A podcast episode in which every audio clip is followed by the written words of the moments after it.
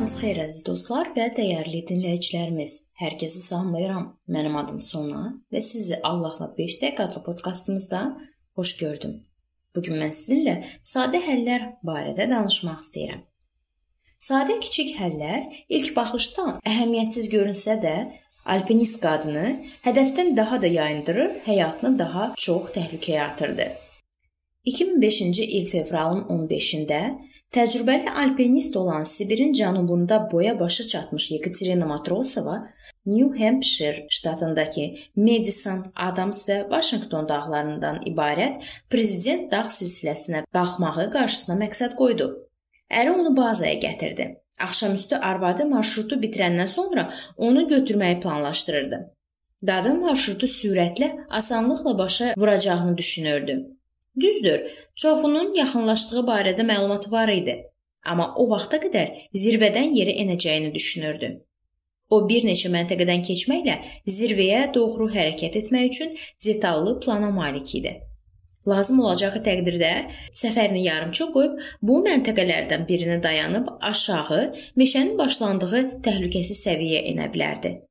O təcrübəli alpinist idi və qışda zirvə fəth etməyi xoşlayırdı. Lakin zəncirvari reaksiyaya yol açıb onun ölümünə səbəb olan bir neçə xırda səhvə yol vermişdi. Məsələ ondadır ki, o buna qədər heç vaxt qışda tez-tez hava şəraitinin dəyişdiyi ekstremal White Mountains dağlarına qalxmamışdı. O White Mountains barəsində oxumuşdu. Amma ondan əvvəl prezident silsiləsinə qalxan başqa alpinistlərlə planını müzakirə etməmişdi. Ərinin ona mane olacağını düşündüyü üçün qadın zirvəyə tək qalxmağa qərar vermişdi. Hesab edirdi ki, belə olarsa marşrutu yüngül və tez başa vura bilər.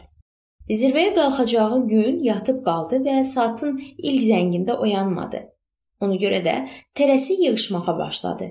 Bu zaman dağlardakı hava proqnozu ilə maraqlanmadı. Hələ gecədən meteoroloji idarə dağa qalxmaq istəyənlərə xəbərdarlıq etmişdi gözlənildiyindən daha sürətlə yaxınlaşan çovğun səbəbindən görmə məsafəsi qısala, temperatur daha da aşağı düşə bilərdi. Səfərin birinci hissəsi gözlədiyindən çox vaxt apardı. Buna görə də qrafikindən çıxdı.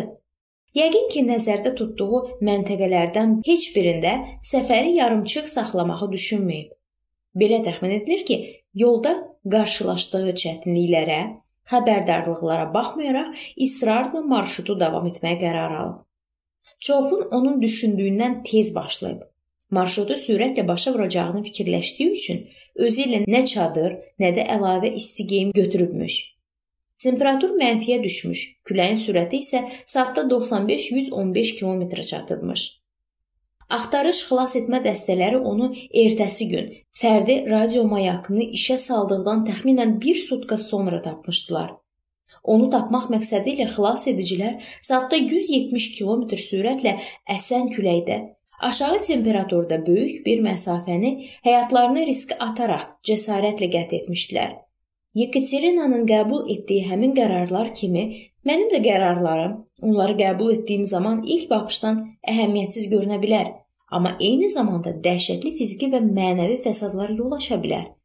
Yekaterina səhər bir daha hava proqnozu ilə maraqlanmağın onun üçün nə qədər vacib olduğunu anlamırdı. O, White Mountains dağına qışda səfər etmək təcrübəsinə malik alpinistlərlə məsləhətləşməyin onun üçün nə qədər vacib olduğunu bilmirdi. Təklikdə hərəkət etdiyindən heç kimlə məsləhətləşmək imkanına malik deyildi. Üstəlik, soyuqdan beyninin funksiyası da zəifləyirdi. Bu isə onun həyatı bahasına başa gəldi. Bütün bunları öz həyatıma da aid edirəm. Mən səhər gec oyanıb başlamaqda olan günə hazırlıqlarımı ixtisara sala bilərəm.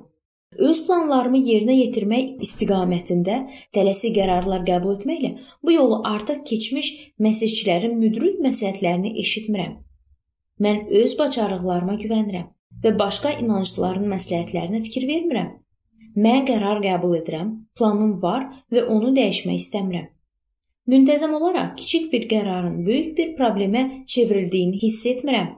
Qəbul etdiyim qərarların məqbul olduğunu məntiqi şəkildə əsaslandırıram və uzun müddətli perspektivdə gözlənilən fəsadlara diqqət yetirmirəm.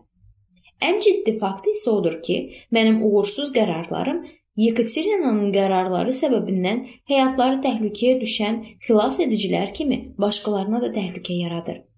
Qərar qəbul edərkən fəsadlar zəncirini nəzərə almalıyıq. Biz bu qərarların ətrafımızdakı insanlara necə təsir edə biləcəyini düşünməliyik.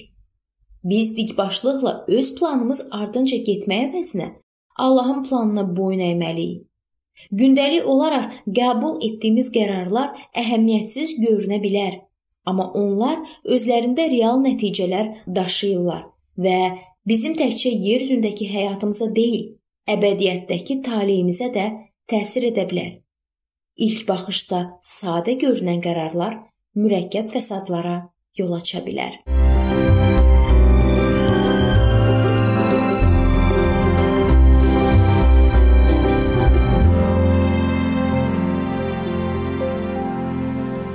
Beləliklə əziz dostlar, bu yerdə bu mövzu sona çatdı. Hər zaman olduğu kimi sizi dəvət edirəm ki, bizim podkastlarımızı Facebook səhifəmizdən və YouTube kanalımızdan dinləməyə davam eləyəsiniz. İndi isə mən sizinlə sağollaşıram və növbəti görüşlərdə görməyə ümidi ilə. Sağ olun, salamat qalın.